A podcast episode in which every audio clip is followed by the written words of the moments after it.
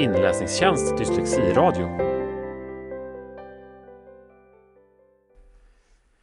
Hej och välkomna till eh, denna första del av Inläsningstjänst poddradiosändningar. Det här är ett eh, sätt för oss att sprida kunskap och insikter kring frågor som berör dyslexi. Vår tanke är att med viss regelbundenhet belysa olika ämnen som berör dyslexi och läs och skrivsvårigheter och då särskilt i anknytning till skolan.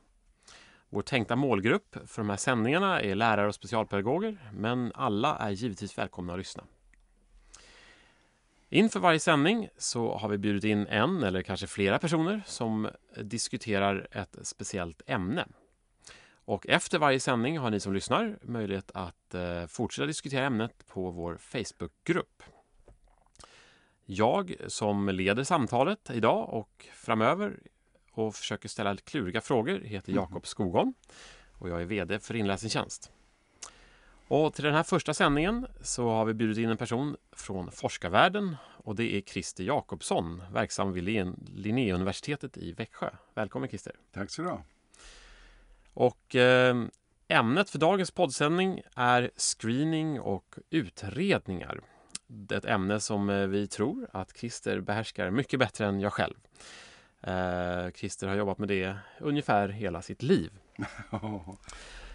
Så kanske vända, mjuka upp här lite grann Christer. Mm. Vad, hur kommer det sig att du började jobba med, med dyslexi och eh, vad är din bakgrund? Ja, egentligen är det så att jag jobbade, eller var skolpsykolog eh, väldigt länge i, i Småland, i Alvesta. Och eh, så blev jag indragen i ett forskningsprojekt som skulle starta där nere i Kronobergs län 1986-87 ungefär. Så det, det, det, gjorde att jag kom in i, den här, i det här området. Men eh, man kan väl säga så här att jag vet att min, min eh, mamma ofta sa att jag är ordblind, sa hon. Och det fick hon veta redan på 30-talet i, i, någonstans i norra Uppland. Så att, så att ordblindbegreppet har ju funnits länge. Och jag vet att jag eh, kanske haft en liten dragning åt det hållet också. Så det var så det började en gång i tiden. Så att egentligen började med ett forskningsprojekt och det är väl det som gör att jag är kvar nu då. Ja. Och sen har du varit verksam på Linnéuniversitetet i olika omgångar. Ja, i, det här forskningsprojektet, det var, då var jag anställd som skolpsykolog i, i, eh, ja, i Alvesta kommun i det här fallet. Och eh, forskningsprojekten lades till Kronobergs län därför att den som var landshövding då hette Britt Mogård och som en gång i tiden var skolminister faktiskt och nu var hon landshövding. Och så var väl Kronobergs län lagom stort och då ville man lägga ett svenskt stort forskningsprojekt i Kronobergs län och då blev det på olika sätt så att jag hade någon slags eh, projektansvar kan man säga för det där. Och många som lyssnar på det här känner säkert till ditt namn i alla fall. Uh, varför det? Ja, det vet jag inte. Alltså det, möjligt är det väl så att vi i det här forskningsprojektet som heter Läsutveckling, Läsutveckling Kronoberg så eh, skulle vi ha ett test som gjorde att man kunde mäta ska vi säga, avkodningsförmågan, den tekniska sidan av läsningen på ett enkelt sätt. Och så skulle man kunna följa upp det låt säga, efter försökets tid, låt säga tre år senare. Och då vill man ha ett lästest som fångade upp avkodning och som eh, eh, gick att repetera eller upprepa utan att det var för mycket inlärnings, eh, inlärning i, i testet. Och då blev det så att det här, det som sen kom att kalla läskedjor eller ordkedjor var ett test som vi utvecklade då 1987 egentligen i det här forskningsprojektet och som jag sen har vidareutvecklat. Så det, det är nog det som i så fall kanske jag är lite, eh, att man känner till det testet då som är ganska enkelt och, och, och fungerar jättebra för det syftet det har som ett screeningtest. Och det är ett test som fortsättningsvis fortfarande används i skolorna? Absolut. Oh ja, det, det, det, är här och där runt om på olika ställen i Sverige. Det är inte, det är inte heltäckande men det förekommer. Och det har ju blivit översatt. Jag vet inte hur många länder som på något sätt har anammat själva tekniken, idén med ordkedjor. Men vi har i de alla nordiska länder, det finns till och med på hebreiska hörde jag en kille berätta om. Ja. Så där, så där. Ja, eh, dagens frågeställningar kommer gå lite mer in på djupet hur det fungerar i verkligheten ute i Sveriges skolor kring eh, det du kallar screening här och olika utredningsmodeller. Eh, både praktiskt och eh, mer teoretiskt. Eh, men först tänkte jag kanske att du skulle få reda ut två olika begrepp som för mig då som inte har samma erfarenhet från den här branschen eh, som jag har stött på och förstår är olika saker. Dels har vi det som kallas för screening och sen har vi det som kallas för individualtest. Mm. Kan du bara på en enkel bild ge lyssnarna en insikt i vad, vad är skillnaderna och likheterna här? Alltså screening eh, eller grupptest kan man ju säga egentligen. Det är ju, syftar ju till att på, på ett ganska snabbt sätt, ganska billigt sätt Eh, i det här fallet testa många samtidigt, en hel klass till exempel. Och screeningen är då eh, tänkt att eh, identifiera eller på något sätt hitta då i det här fallet barn som kanske har svårigheter med sin avkodning och som eh, ibland till och med kan dölja att de egentligen inte kan läsa så bra genom att de lär sig utan till. Och har man då som typ ordkedjor så, så är det svårt att det går inte att göra det då. Utan då, då kan man i ett screening upptäcka ett och annat barn eh, som man ser verkar ha svårigheter. Och då kan man ifrån det sen titta mera på den personen och gå djupare in på person på individnivå. Så egentligen screening har vi ju i många sammanhang. Vi hade, man, man kan screena för allt möjligt i medicin till exempel. Va? Så hittar du olika former av sjukdomar och så går man in närmare och kollar var det någonting eller var det inte. Problemet är, med en screening är att du får ju inte hitta barn som inte har problem. Eller, eller sjukdomar som egentligen inte är sjukdomar. Va? Så därför gäller det att få en screening som var, var kan man säga, så, så specifika som möjligt och så känsliga som möjligt. Men screeningen är fortfarande väldigt grovmaskig. Eh, individualtesten här går mycket mer på djupet. Eh, ja, och för, jag brukar säga så här att för att kunna screena så egentligen gäller det om du ska göra i en klass så måste du kunna kan man säga hantera en grupp och säga att varsågod och börja och nu är tiden ute. Och den typen, hålla ordning på, på gruppen och så samla in det och så ska det vara ganska lätträttat. En individualtest tycker jag kräver att man kan teoretiskt mera. Man, man eh, vet mera om svårigheter som kan uppstå eh, och man kan se hur barnet reagerar kan man säga här och nu va? när man har barnet framför sig. Det ser du ju aldrig i en stor grupp. Va? Alltså hur, de, hur, de, hur motivationen finns, eh, koncentrationen, uthållighet. Sådana saker går ju aldrig att se i ett grupptest. Ja. Okej. Okay. Ja, det är bra grund att stå på för fortsatta diskussionen här. Eh, jag tänkte komma in på eh, lite grann hur det ser ut i Sverige kring dessa eh, både screening och utredningar. Jag förstår att de, när man nämner använder ordet utredning så är det ofta individualtesten ja, man syftar precis. på. Då. Ja, det är nästan alltid så. Ja. och screening är det som sker sådär, i klassrummet och sen kan man då ta vidare de eleverna som fastnar i, i det grovmaskiga nätet. Ja, det är som ett nät kan man ju ja, säga. Precis. Mm. Uh, och jag tänkte knyta an här lite grann. Vi, vi på Inläsningstjänst tillsammans med de dyslexiföreningarna som finns i Sverige gjorde en liten undersökning med hjälp av Demoskop förra året. Uh, på vårkanten där vi undersökte hur de, största, de 100 största svenska kommunerna förhöll sig till uh, faktiskt både screening och, och, utredningar. Men på utredningssidan så, så märker vi att några, några fakta här som kom fram ur den, ut, ut, ur den undersökningen var att endast 19 av 72 kommuner så görs en utredning inom åtta veckor mm. efter att man vill att det ska hända. Genomsnittet av väntetiden för i hela Sverige i de här kommunerna som svarat då, eh, är 22 veckor. Och givetvis finns det då många som det finns ju de som ligger över året och kanske på två år på en sån utredning. Eh, och väntetiden är faktiskt också intressant här, påtagligt längre i de största kommunerna. Mm. Och i vissa fall är det upp till två år. Flera kommuner görs ingen utredning alls. Mm. Är det här en bild som du känner igen från dina erfarenheter? Ja, det, det, är det kan man säga att, ehm, att det är en enorm variation i Sverige. Det är väl liksom det, eh, kan man säga, sammanfattning att det är precis som du säger. Och, och, det beror lite grann på också, jag vet jag var, eh, följde med lite grann i eh, när Skolinspektionen för några år sedan tittade just på hur skolor hanterar läs och skrivsvårigheter och dyslexi. Och då fann man att det kunde vara väntetider upp till två år till exempel. Eh, och, och, att det var i sig ett problem. Och, och, frågan är ju då, varför, och då beror det på att man på något sätt, eh, vilket jag tycker är lite olyckligt, har eh, eh fastnat vid kan man säga att det, det måste vara eh, ty, typ eh, landstingets logopeder eller, eller privatpraktiserande logopeder som ska göra utredningar. Och jag, vi kallar det ofta för pedagogiska utredningar. Jag tror att det är viktigt att våra pedagoger eh, på något sätt får, eh, ja, får, får eh, gehör för att de också kan göra utredningar. Och, eh, och då skulle ju väntetiderna bli betydligt kortare naturligtvis. Mm. Om det var fler som kände sig mogna och, och, och kunniga att göra utredningar. För att Utredningar kan ske på många olika nivåer, även där. Va? Det kan ske på, ska vi säga, på skolnivå, alltså de som finns i skolan börjar med en utredning och gör så långt de kan. Det kan kopplas på någon kanske på eh, någon annan på elevhälsan lite längre upp. Men, men ibland så verkar det som att man, man på något sätt begär en utredning och sen ska det skötas av en logoped. Och då kan det dra iväg säkert som det står här bortåt ett år och så. Och det, det, det, vad gör man under tiden? Ja, det, det, är en bra fråga och då, då är min eh, jag har många frågor på det du säger här.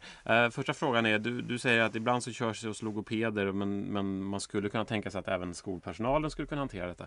Är det skillnader här hur så att säga olika landsting eller olika eh, skolor hanterar frågan? Är det så att det, vems Vems ansvar är det att, att göra utredningarna? Ja, alltså jag vet att just det här som du nämnde, eh, Dyslexiförbundet FMLS, för, också för något år sedan gjorde en, en rundringning till 22 landsting. 11 av dem gjorde sådana här dyslexiutredningar och 11 gjorde det inte.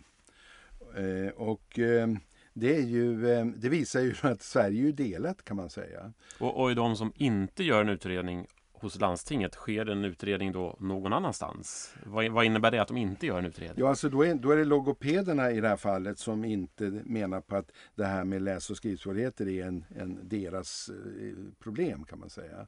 Eh, eh, utan det ska ju skötas av kommunen och av skolan. Och då Och då vet inte jag riktigt, alltså det, då kan det ju vara specialpedagoger, speciallärare, psykologer och andra som finns på kommunnivå, kommunal nivå som gör de här utredningarna. Eh, men, men där, när landstinget gör det, då kanske det finns en... Jag vet inte, ja, det är en intressant fråga. Blir det då att man drar sig till att just de ska göra det bara för att det finns i, i vissa landsting?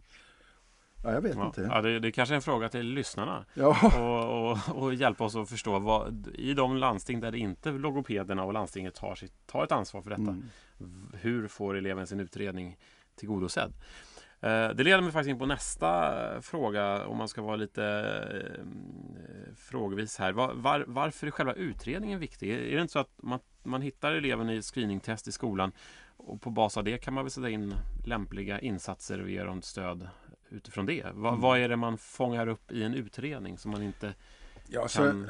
Så, man kan säga att ibland så kan man, kan man, verkar det som att man gör en utredning för att komma fram till en diagnos. Va?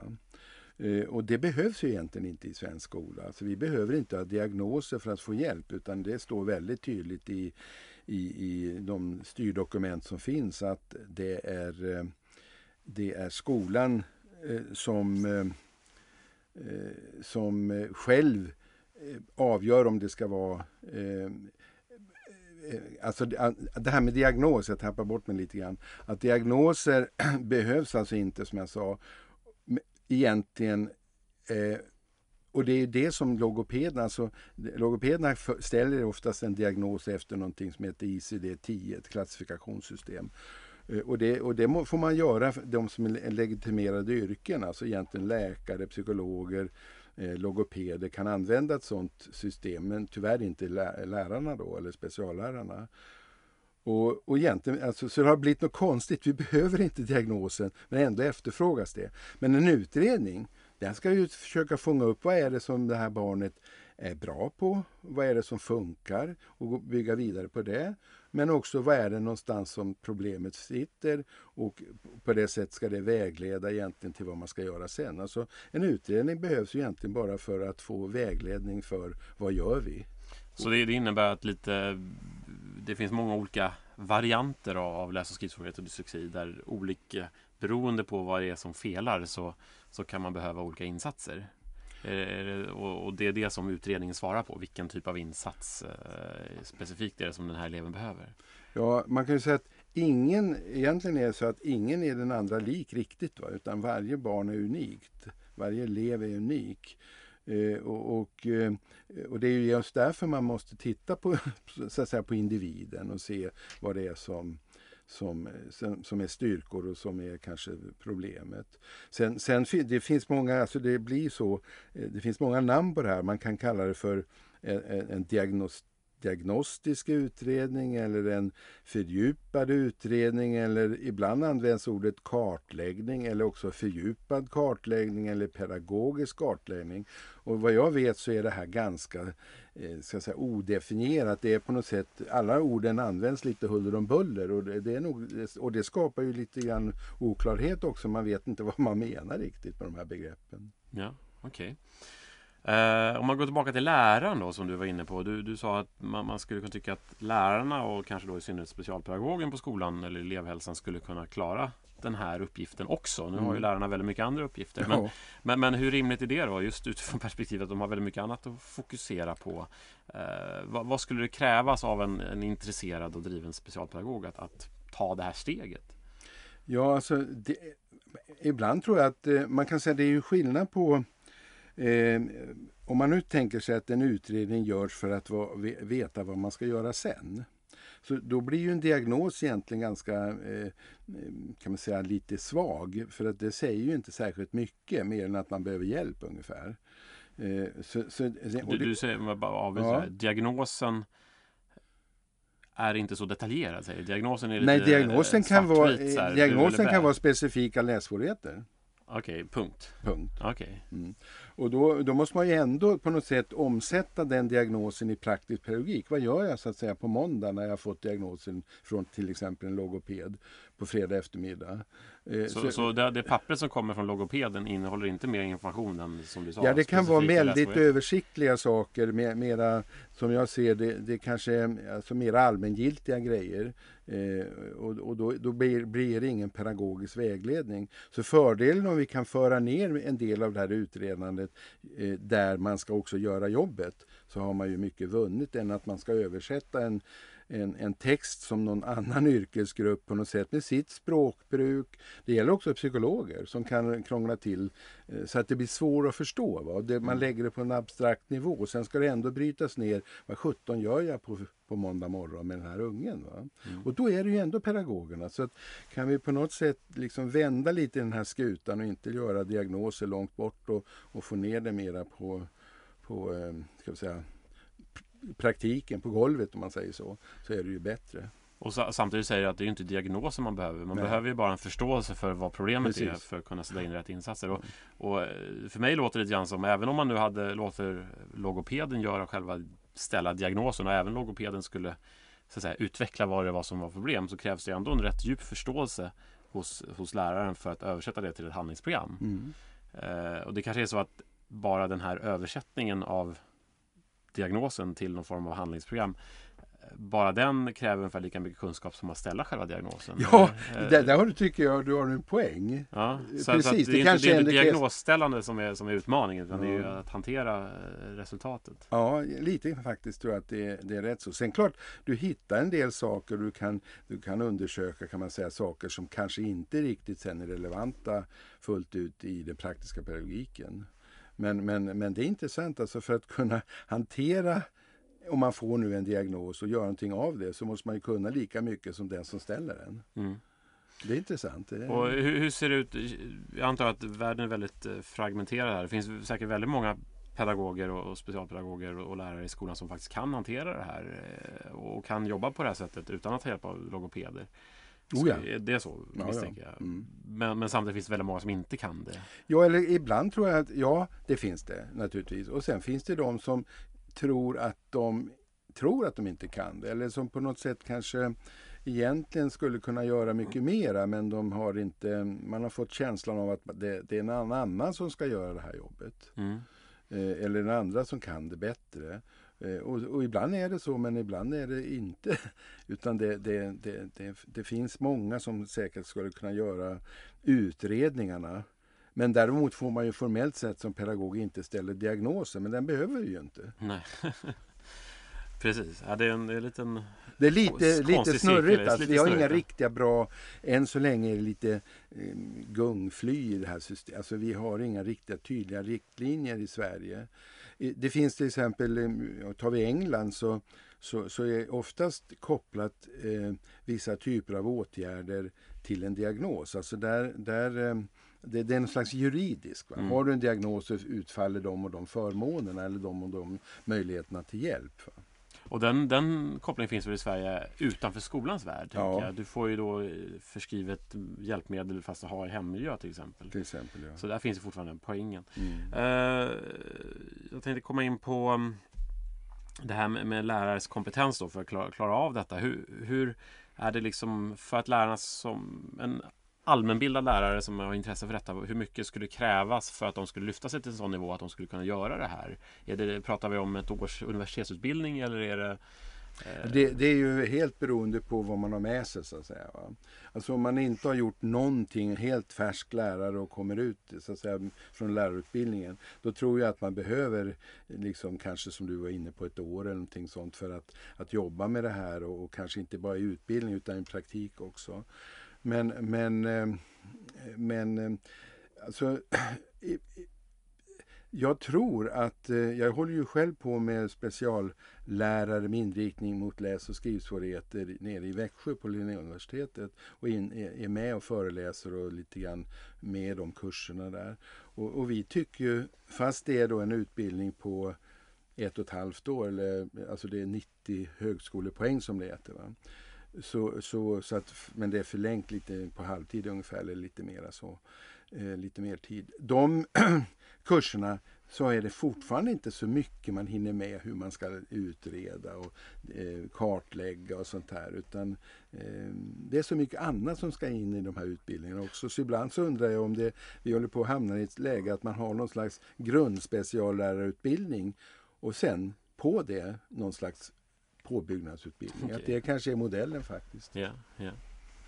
ja, intressant. Eh, för de lyssnare som inte känner till det så har vi på Inläsningstjänst här också påbörjat en utbildningsverksamhet som, eh, som handleds bland annat av Christer här och även hans kollega Anna Fogantin. Eh, där syftet bland annat är att lyfta kompetensen på det här området. Och Eh, det är första gången nu i vår här som, som vi kör med två klasser och till hösten kommer det finnas många fler möjligheter för andra som, som vill bredda sig i detta.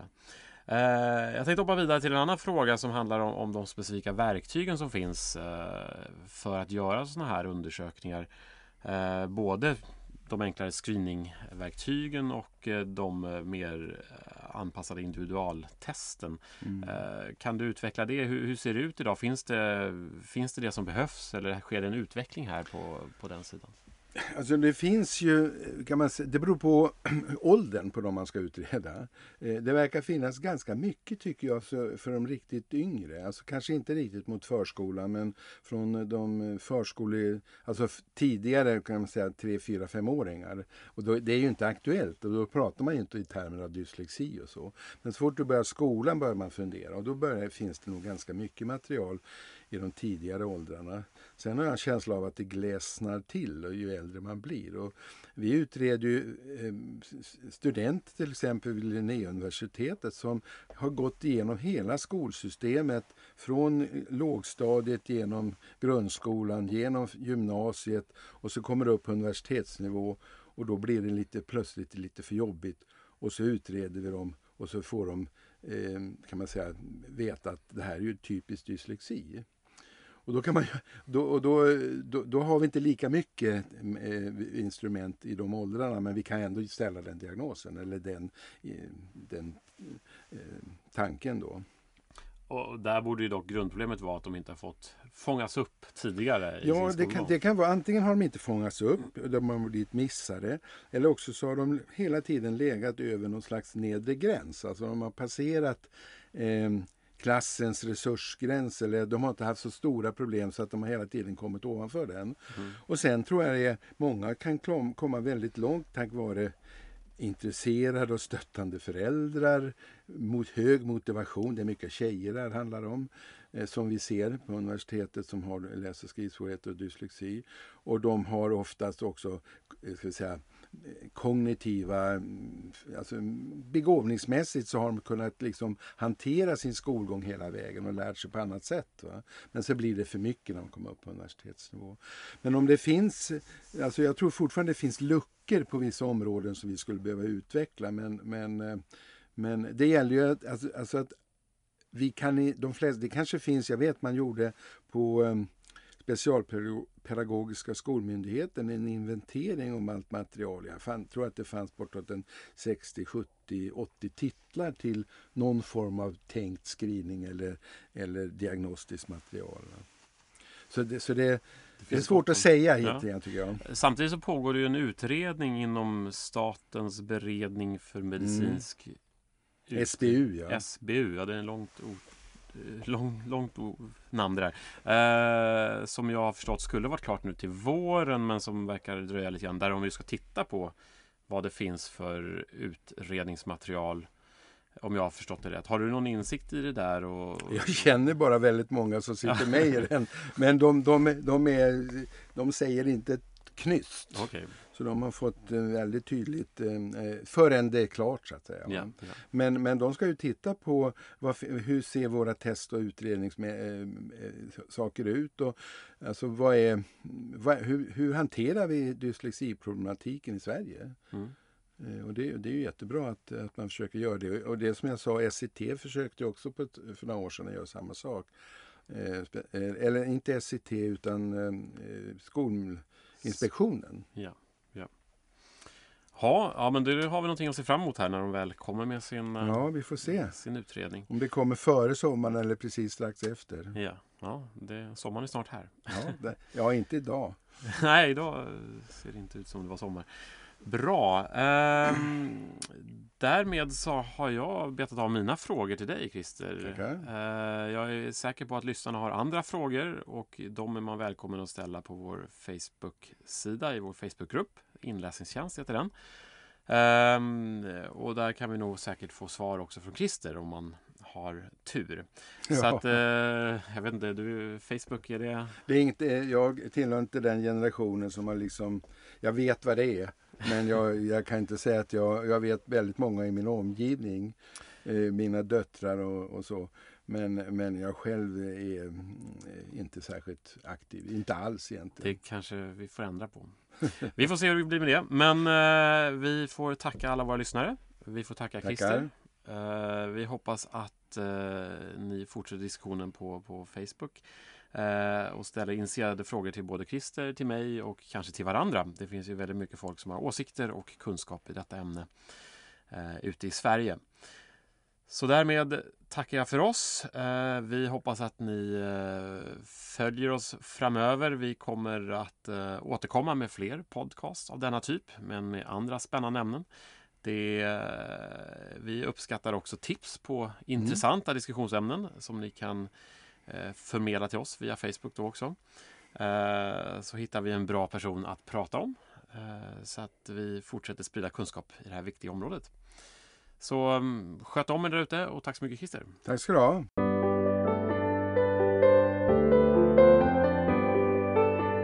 Inläsningstjänst Dyslexiradio